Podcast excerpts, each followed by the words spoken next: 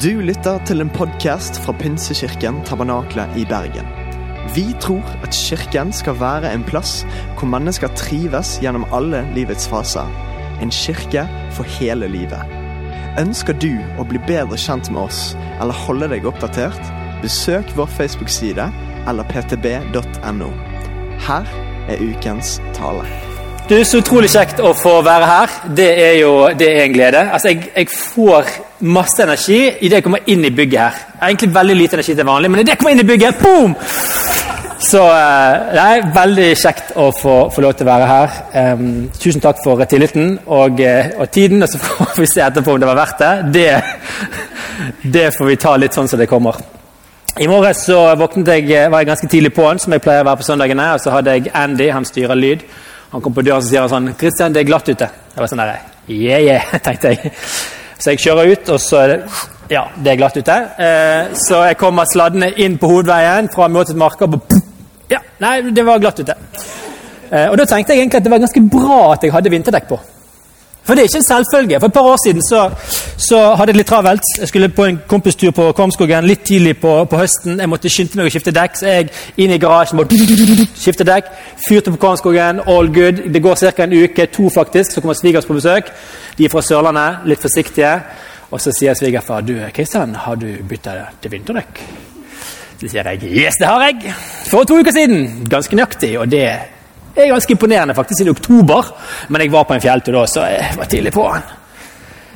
Men så er det litt forsiktig så, er, er, er du helt sikker på at du har skifta til vinterdekk? Ja, ja, ja, ja, ja. Jeg kan si to torsdag fra fem til seks før jeg skulle på tur. Og så kan vi bare sjekke, da. Og så kommer vi ut der, og så er det sommerdekk. Så da har jeg altså kjørt piggfritt gjennom hele sommeren. Og når oktober kommer, så tar jeg av det piggfrie, på med sommerdekkene og fyrer på Kvamskogen. Yeah! Så nå hadde jeg piggfrie, så det var, det var, veldig fint. Du, eh, jeg, skal få, skal få, gleden av å snakke, si noe om et brev. Eh, og det, det er jo fantastisk. Så jeg valgte Galaterne. Jeg, jeg, var ikke førstevelger, som dere sikkert skjønner. André var førstevelger. Han valgte den korteste bibelboka i hele Nytestamentet. Eh, så da er det liksom Men greit nok, jeg, jeg fikk ta Galaterbrevet. Det, det, er greit. Dere kan være glad jeg ikke valgte romerne. For da hadde dere sittet her klokken tolv. Jeg hadde bare vært halvferdig, så det, det hadde blitt dårlig knall for oss alle. Eh, men jeg syns det var krevd nok å fyre gjennom Galaterne på en halvtime, så jeg håper du henger med. Og jeg skal prøve å ikke gjøre så mye ut av Galaterne at du tenker at denne boken trenger ikke å lese. Så målet mitt i løpet av de neste minuttene er at du tenker sånn Wow! Står det virkelig det? Det må jeg sjekke sjøl.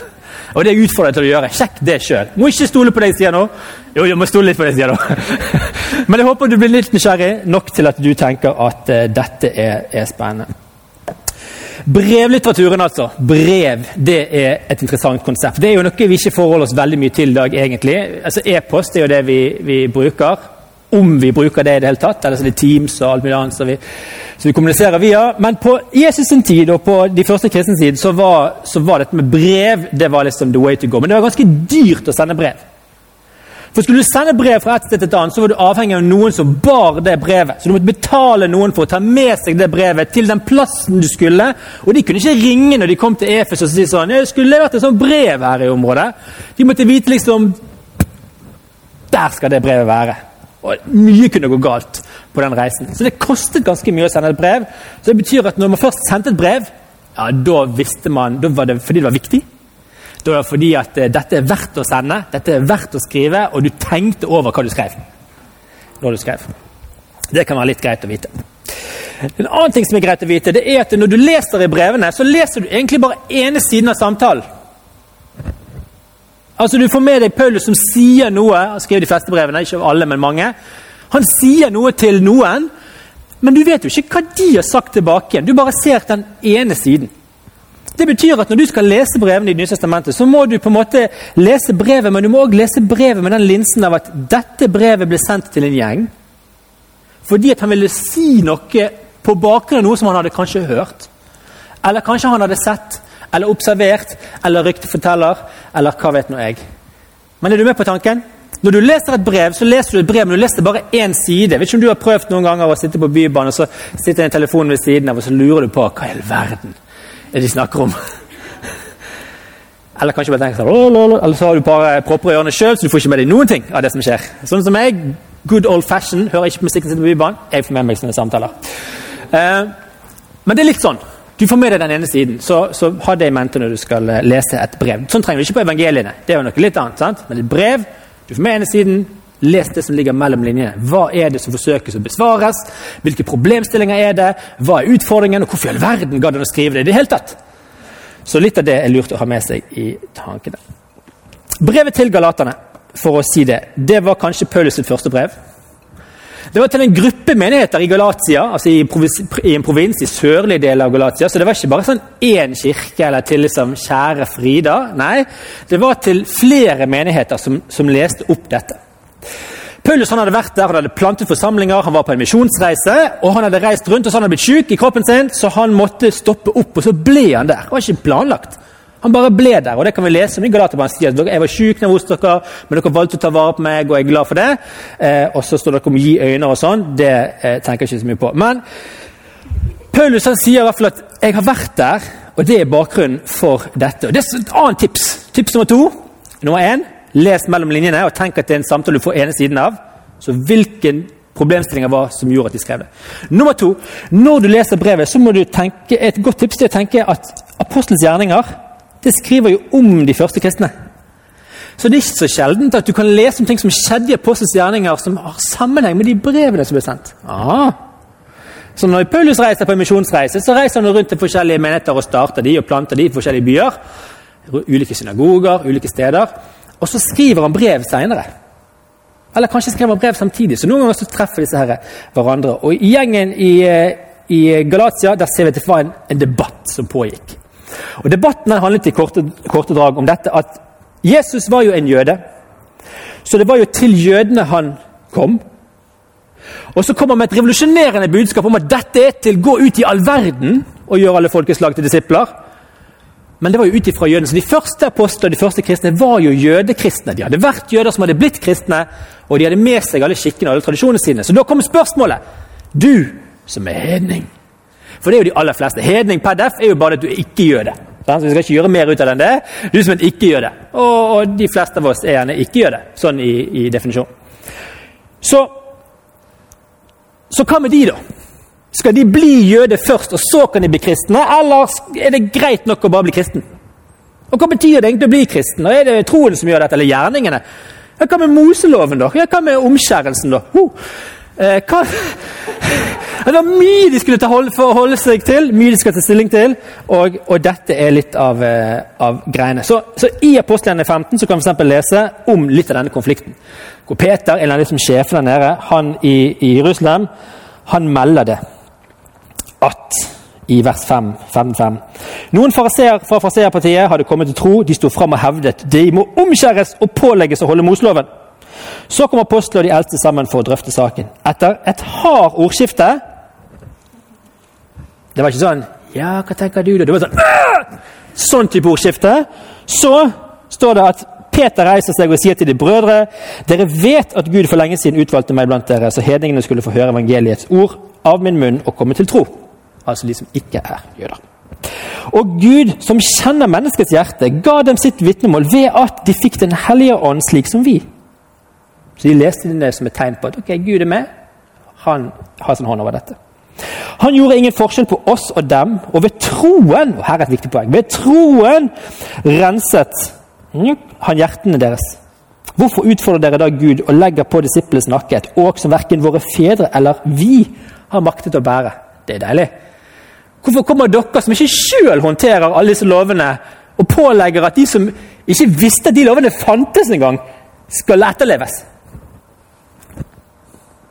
Nei, vi tror at vi blir frelst av Herren Jesu nåde. Vi på samme måte som de. Da ble hele forsamlingen stille, og de hørte på Barnabas og Paulus, som fortalte om alle de tegn og under Gud hadde gjort blant hedningene gjennom så her er det altså en konflikt pågående, ikke bare i, eh, i uh, Jerusalem, ikke bare i Galatia, men i versene rundt her. Så etter at Paulus har vært i Galatia, han har fortalt, han har undervist, han har lært, så kommer noen jøder inn og så gjør de det samme som skjedde i Jerusalem. De kommer og sier sånn Nei, dere må drive med sånn omskjæring, og dere må huske å holde målsloven, og dere må liksom Og i det skjer, så klikker det for Paulus. Altså, det klikker for han. Liksom Christian Kopper kommer og sier wow, wow, wow, wow, wow, wow! Her må vi ta det helt fra begynnelsen. Og det er det som er Galaterbrevet. Altså, der punch bare Hør nå her! Vi må ta dette helt ifra starten. Og Han klikker, han blir skikkelig sint. Han er ikke, sånn, han er ikke mild, Paulus, i det brev, Galaterbrevet. Han er skikkelig sint. Altså, han skrev i fjeset. Egentlig var det annen som skrev foran, men han liksom sto og sparket i han som skrev han mens han skrev. Så sint var han. Sant? For i alle andre brev så starter Paulus med sånn Kjære forsamling, til ærede Gud må nå være med dere, og fred for Gud vår Far, Herre Jesus Kristus. Jeg takker Gud for dere. sant? Altså, Han begynte alle brevene med en vennlig hilsen. Det var kutyme. Vennlig hilsen, og hvis du skulle si noe litt sånn konfrontativt, da var du i hvert fall vennlig i åpningen. Så i brevet til korinterne, f.eks., ganske sånn crazy gjeng Altså, De drakk seg dritings når de hadde nattverd. De var litt sånn, de trodde ikke helt på oppstandelsen. De lagde grupperinger og, og, og kring, kranglet mot hverandre. De undertrykte liksom og lagde sånn A-lag og B-lag. De drev og skulle ha lovsang og bare talte i tunga. Herlighet. Altså, Det var en crazy gjeng. Men Paulus da skal skrive til, han sier jeg takker alltid Gud for dere, for den nåde han har gitt dere i Kristus Jesus. Og så kommer han til Galat og sier bare 'Hvem er forhekset dere?' Det er liksom Hello! Så dette er altså Galaterbrevet, og Paulus han drar på til den gjengen. For han er oppriktig provosert. Det er mye følelser, det er mye sinne. Jeg vet ikke om du noen gang har vært der at du har bygget liksom sykt mange dominobrikker, og så kommer det en eller annen idiot og sånn Oi! Har du det? Eller et korthus. Du bare sitter der sånn Full konsentrasjon, liksom, og du har fire etasjer. Og så kommer det sånn der Halleien! Sant? Du har virkelig lagt innsats i noe, og så bare Bleh. Er det noen som har vært der en eller annen gang i livet på et eller annet? Kanskje du hadde pusset en bil, og så kom det noe skrapt, eller ja, et eller annet skjedde. sant? Men her kan du tenke, Paulus han har brukt svette, tårer, energi på liksom si Folkens! Dette evangeliet om Jesus, ved troen på Han, så får dere være barn hos allmektig Gud. Wow! Det fins vei til himmel, dere skal få Den hellige ånd. Det blir kjempebra! Og de bare sånn Yes, konge! Vi blir med! Woo! Og så reiser han derfra, så kommer gjengen og sier nei, dere må omskjæres først. Og Paulus bare sånn Det er jo et helt annet evangelie! Dere står jo og forkynner noe helt annet enn det som jeg har forkynt. Han går typ sånn Han være forbannet.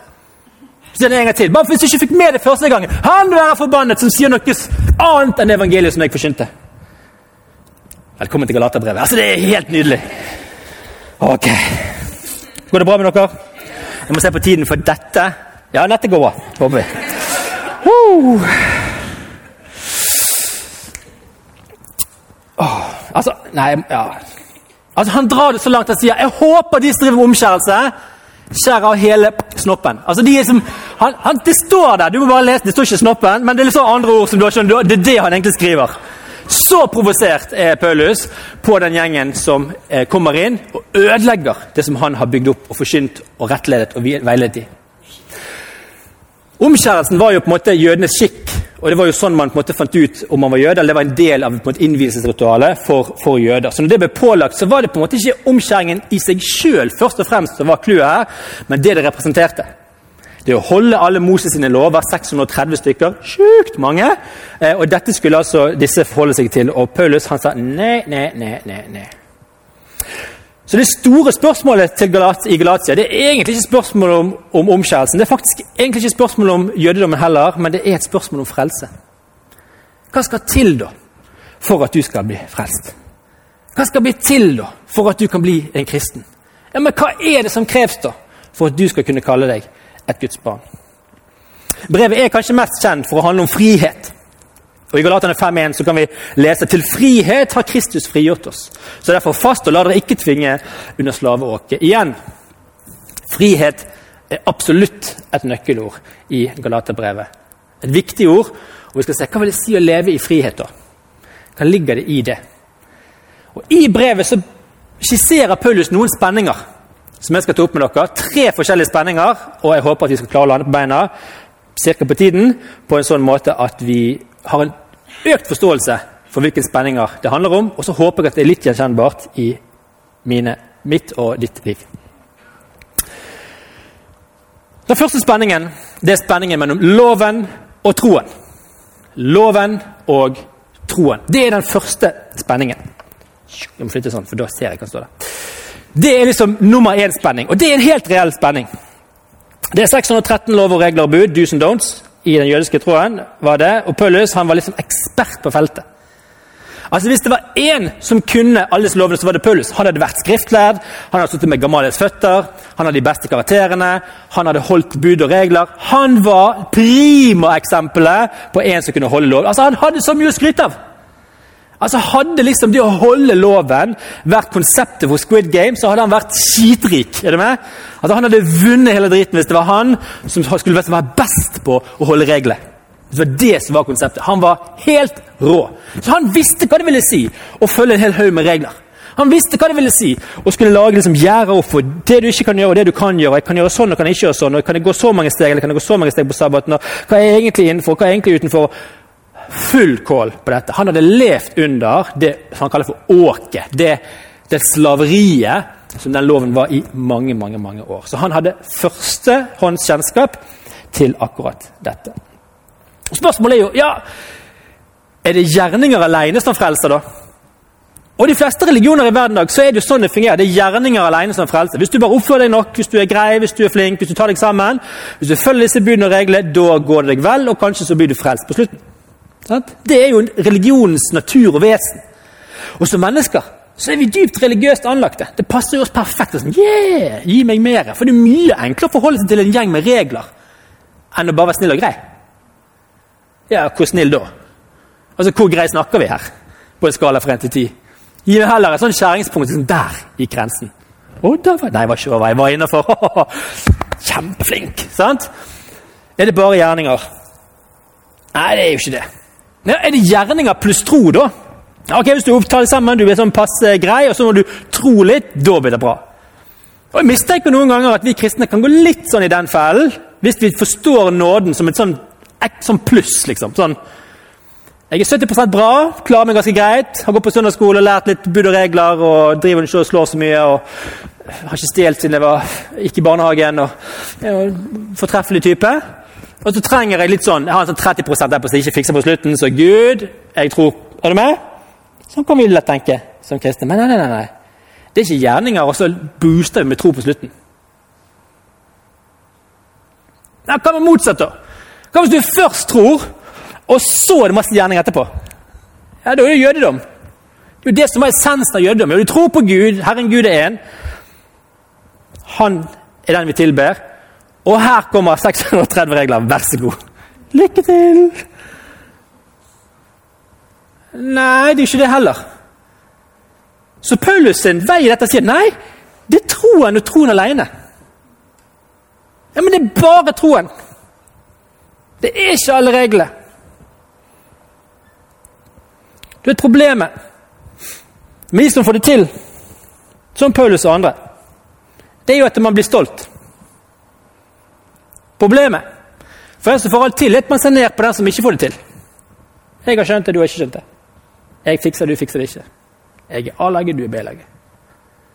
Og så har hele systemet bare pff, implodert, fordi at det som var ideen om å skulle hjelpe meg, gjør at jeg blir stolt. Det som skulle egentlig hjelpe, meg gjør at jeg blir ikke ydmyk, men jeg ser ned på min neste. Jeg måler opp og ned og tenker sånn Ja, bra, litt bra, middels bra, dårlig. Ganske krevende. Man blir det som kalles for selvrettferdig. Jeg mestrer så og så mye. Nei, jeg får det til. Og du får ikke til Åh, det var dumt. Jeg, jeg derimot. Så blir man selvrettferdig, og så er det liksom bare Det er kanskje noe av det Gud hater mest selvrettferdig mennesker. Hvis du ser på Jesus, så var han synderen og tollernes venn. Og så kriget han mot fariseerne, som sto der i all sin prakt over bedre enn alle andre.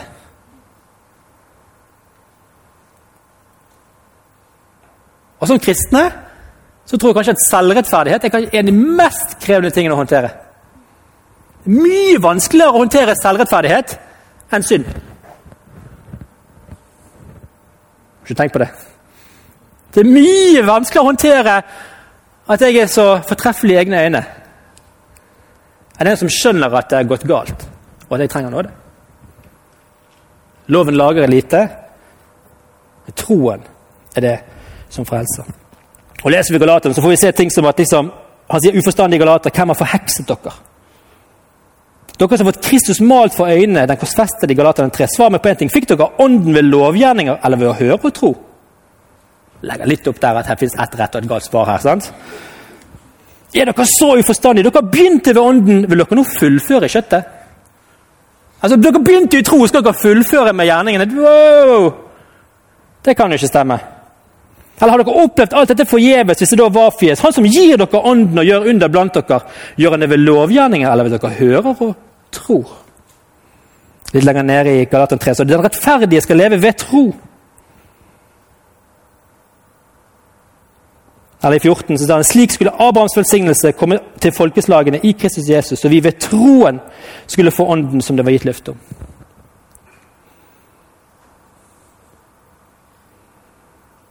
Eller at det var visst et løfte at Gud skjenket arven til Abraham. Det hva det med loven? Ja, Den kom 430 år etterpå. Som en type rettesnor for å si sånn Her er 90 grader. Du kan sjekke ditt liv opp mot den og skjønne at eh, vi er skeive hele gjengen. Det går ikke. Du får en standard og en mal. Så, sånn, ah, okay, så det er det som egentlig er standarden til Gud. og Det er jo ingen av oss som klarer å leve til. Og Jesus sånn, upper gamet enda litt. Sånn, 'Å ja, du tror du har klart det ved å bare slutte å ligge med hun damen.' Du bare du har sett på henne og tenkt på det. Ferdig. Ja, Da kan du i hvert fall glemme det. Før troen kom, sier Paulus, så var vi varetekt under loven. Innestengt helt til den tro skulle, som skulle komme, ble åpenbart. Slik var loven vår vokter til Kristus kom for at vi skulle bli kjent rettferdige ved tro.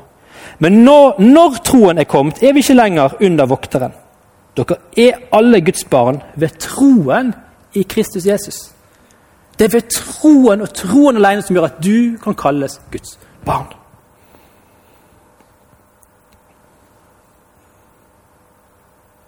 Så sier jeg litt lenger nede Fordi dere er Guds barn, har Gud sett sin Sønns ånd, Den hellige ånd, inn i våre hjerter, og ånden roper 'Abba, far'.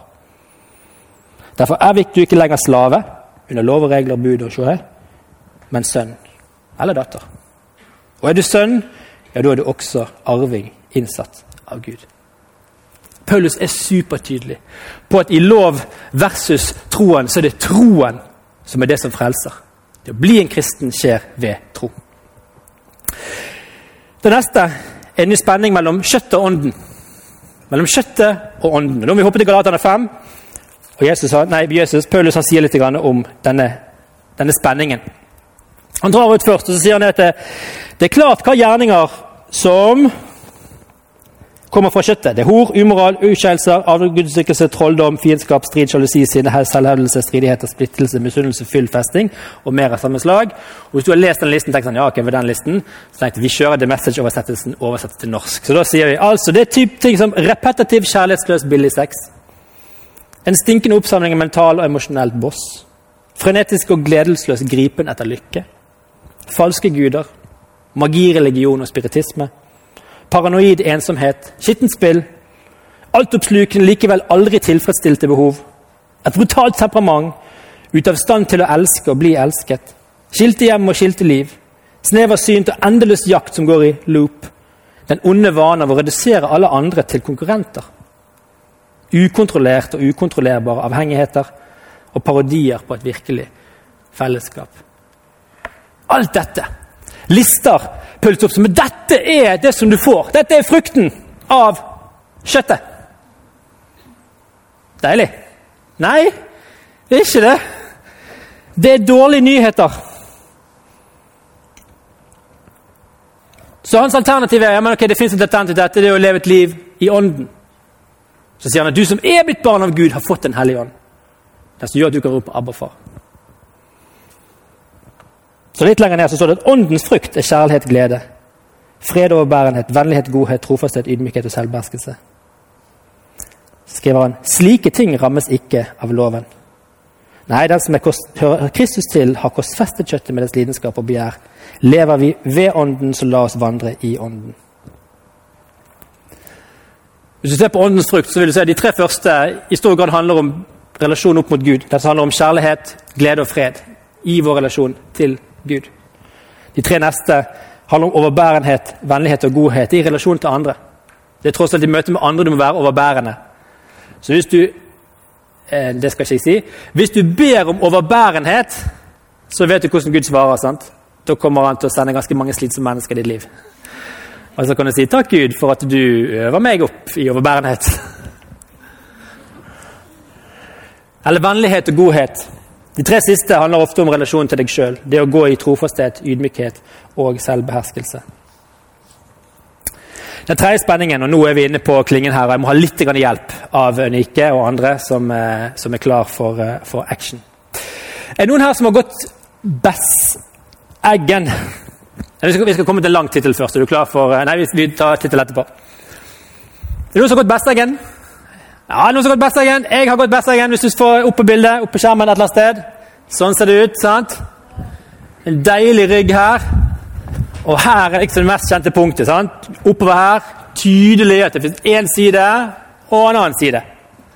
Én side og en annen side. Og her går vi oppover. Og Der var jeg for sykt mange år siden, før vi fikk kids. Da så det så her ut. Jeg er spent på hvordan det ser ut. Der, vet du. Se på disse flotte folka. her. Vi er på vei opp ryggen. Det er to sider, to stup. Du kan begge falle ned. Jeg klarte meg, utrolig nok. Neste. Så godt kledd var jeg. Men stav hadde han i hvert fall fått tak i. sant? Så litt sånn, her, man, sånn her så jeg kan gå med. Og så skotøy. Var helt sånn her, det var, det var ikke Converse, men det var omtrent så Det var bare Eh, neste. Har alltid levd på kanten, eh, og det var intet unntak denne dagen her. Så, og det som du ser, skotøyet. Klassisk fjellsko. Vel, vel, vel. Glad i hvert fall. Vi hopper til neste. Her har vi Besseggen, og nå er vi på klingen. Den tredje spenningen den er veldig interessant. Det er spenningen mellom lovhet, loviskhetens fangenskap og den misforståtte frihetens ballbinge. Det er kanskje det vanskeligste punktet å notere, så hvis du noterer, så det tar litt tid å notere det. Mellom loviskhetens fangenskap og den misforståtte frihetens ballbinge.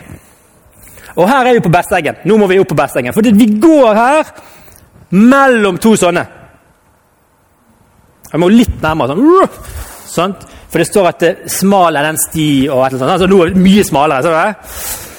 Nå er vi mer på Besteggen, liksom. Nei, det er ikke det. Jeg ble litt skuffet. Jeg tenkte, er det så bredt? Nei. Poenget er På den ene siden så skriver Paulus til gjengen i Galatia i eh, Galaterne 5, eh, 4-6, så sier han dere som vil bli rettferdige ved loven, er skilt fra Kristus. Dere har falt ut av nåden. Men vi venter i ånden ved tro på den rettferdigheten som er vårt håp. For i Kristus kommer det ikke an på om du er omskåret eller uomskåret. Her gjelder det bare tro som er virksom i kjærlighet.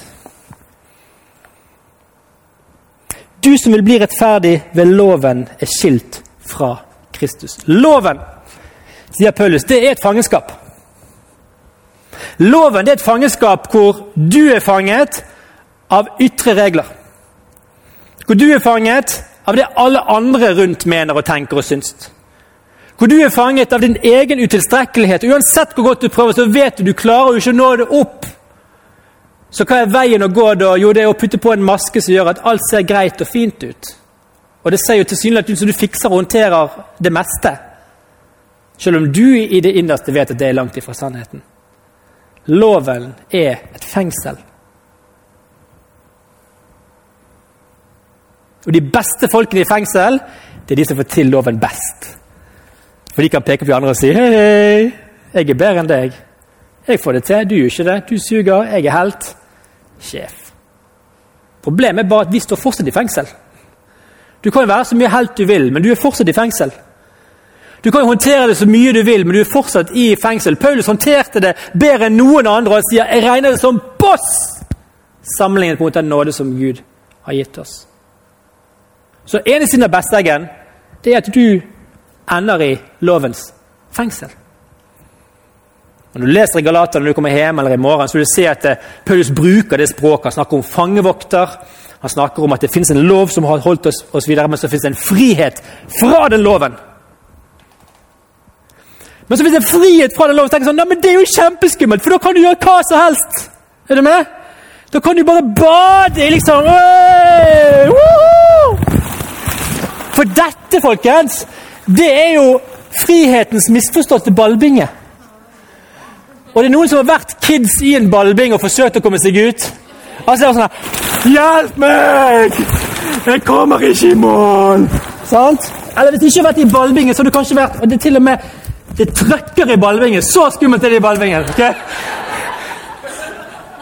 Eller hvis du har vært i en foam pit på flip zone, og du skal komme deg ut i det skumgummirælet og sånn «Øh, Jeg angrer på at jeg hoppet! Men det er jo det Paulus. Men det fins jo Det er jo fristende. Kjøttets begjær det er jo fristende. Det er jo sånn Det er en rød og en rosa Ohoho! Er du med? Det er jo fristende. Hvis ikke det var fristende, så var det, altså, da var det ikke noe å snakke om. Og de aller fleste kristne forstår at liksom, ok, vi prøver å styre unna dette, for dette er en sump. Dette er et strev.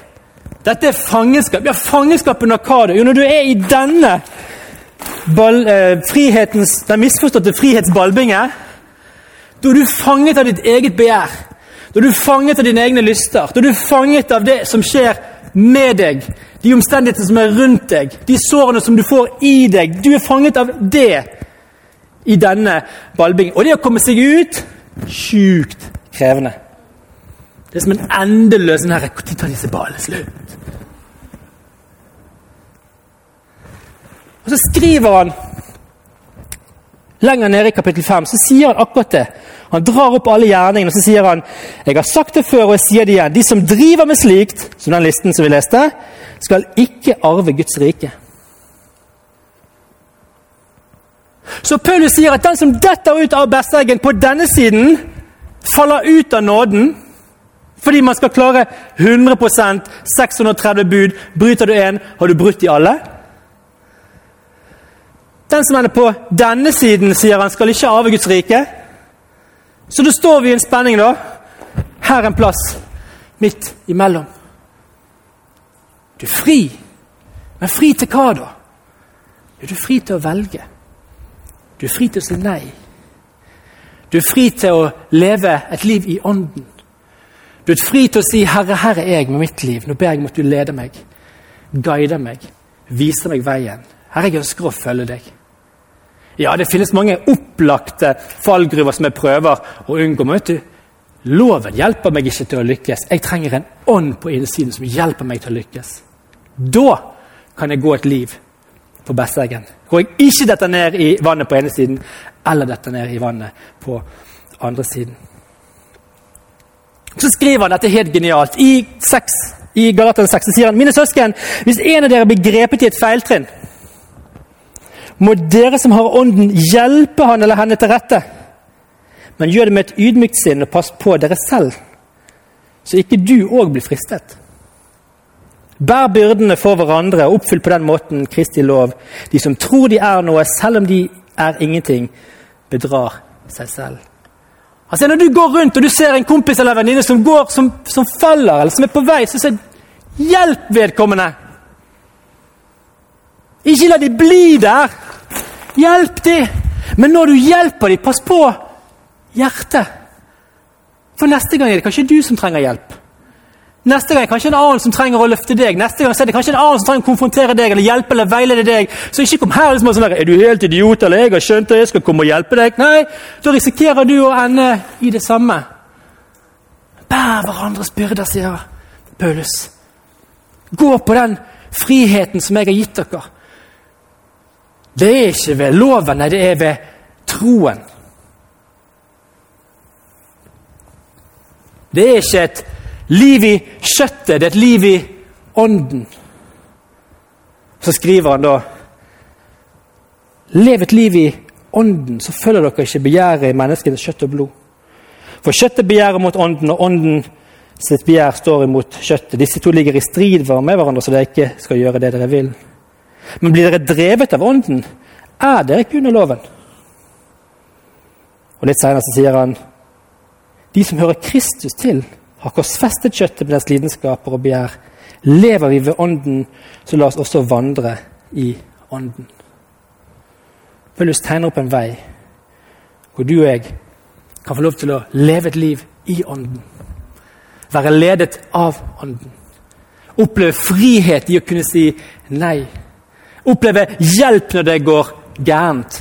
Fordi det fins et fellesskap som vi går sammen med, som sier hei, jeg er ikke her for å fordømme deg og gjøre livet surt og vanskelig. La meg hjelpe deg. Og så går vi sammen på den reisen. Så styrer vi unna at vi ikke blir så himla selvgode og fortreffelige i egne øyne at vi blir åk under loven, men la oss vandre i nåden. La oss vandre i troen. La oss vandre i det som Gud kaller oss til. Det er en frihet som hjelper oss gjennom livet. Det er en frihet som guider oss. Og Paulus har en helt sinnssvak tillit til hva Den hellige ånd gjør i mitt og ditt liv. Når han sier at hvis du lever et liv i ånden, da vil du, du, du få veiledning. Da Da kommer det til å gå deg vel. Du trenger ikke 613 do's and don'ts. Du kan få hjelp av Gud sjøl for å flytte på innsiden av deg. Du kraft til å gå det livet som han har kalt deg til. Så sier han på en glitrende måte at i Kristus så kommer ikke an på om du er omskåret eller uomskåret. i Galaterne 5. Her gjelder bare tro som er virksom i kjærlighet. Det fins en tro som er virksom i kjærlighet. Lovsangen kan få lov til å komme fram, så skal vi gå mot en avslutning.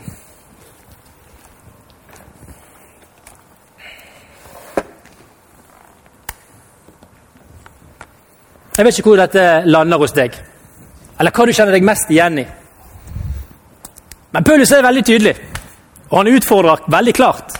Han er ganske sint når han skriver det, men hvis du leser litt utover, så forstår du at han begynner litt sint, men det begynner å myknes litt opp. Og så sier han jeg, jeg liker dere. Jeg vil dere vel. Jeg har lyst til at dere skal lykkes. Jeg vil at dere skal ha en relasjon med Gud. Jeg vil at det, er det som vi snakket om, at den der frelsen den er gitt deg helt gratis den, ved troen på Jesus Kristus. For det er jo derfor Jesus kom. Ellers var det jo forgjeves at han kom hvis det var det at du kunne fikse det sjøl. Nei, du vet, meg og deg trenger å ta imot av det som Jesus har gitt. Så innsteget i den kristne troen det handler ikke om å skjerpe seg og ta seg sammen og bli et bedre utgave av deg sjøl. Nei, innsteget i den kristne troen er å si Herre Jesus, takk at du har gjort det som var umulig for meg. Takk at du ble straffet for mine feils. Jesus, jeg tar imot det livet som du har for meg. Og så er det løftet til den som tar det valget, du, da blir du barn av den allmektige Gud. Da er du arving til himmelriket og evigheten. Og så flytter det en ånd på innsiden av deg som hjelper deg, som styrker deg, som korrigerer deg, som leder deg gjennom livet. Og så kan du få lov til å vandre over Besseggen i spenningene. For det de unngår vi ikke. Det er spenninger i livet. La oss være ærlige om det. Men så finnes det veiledning og hjelp. Vi er til stede for hverandre. Og løfter blikket.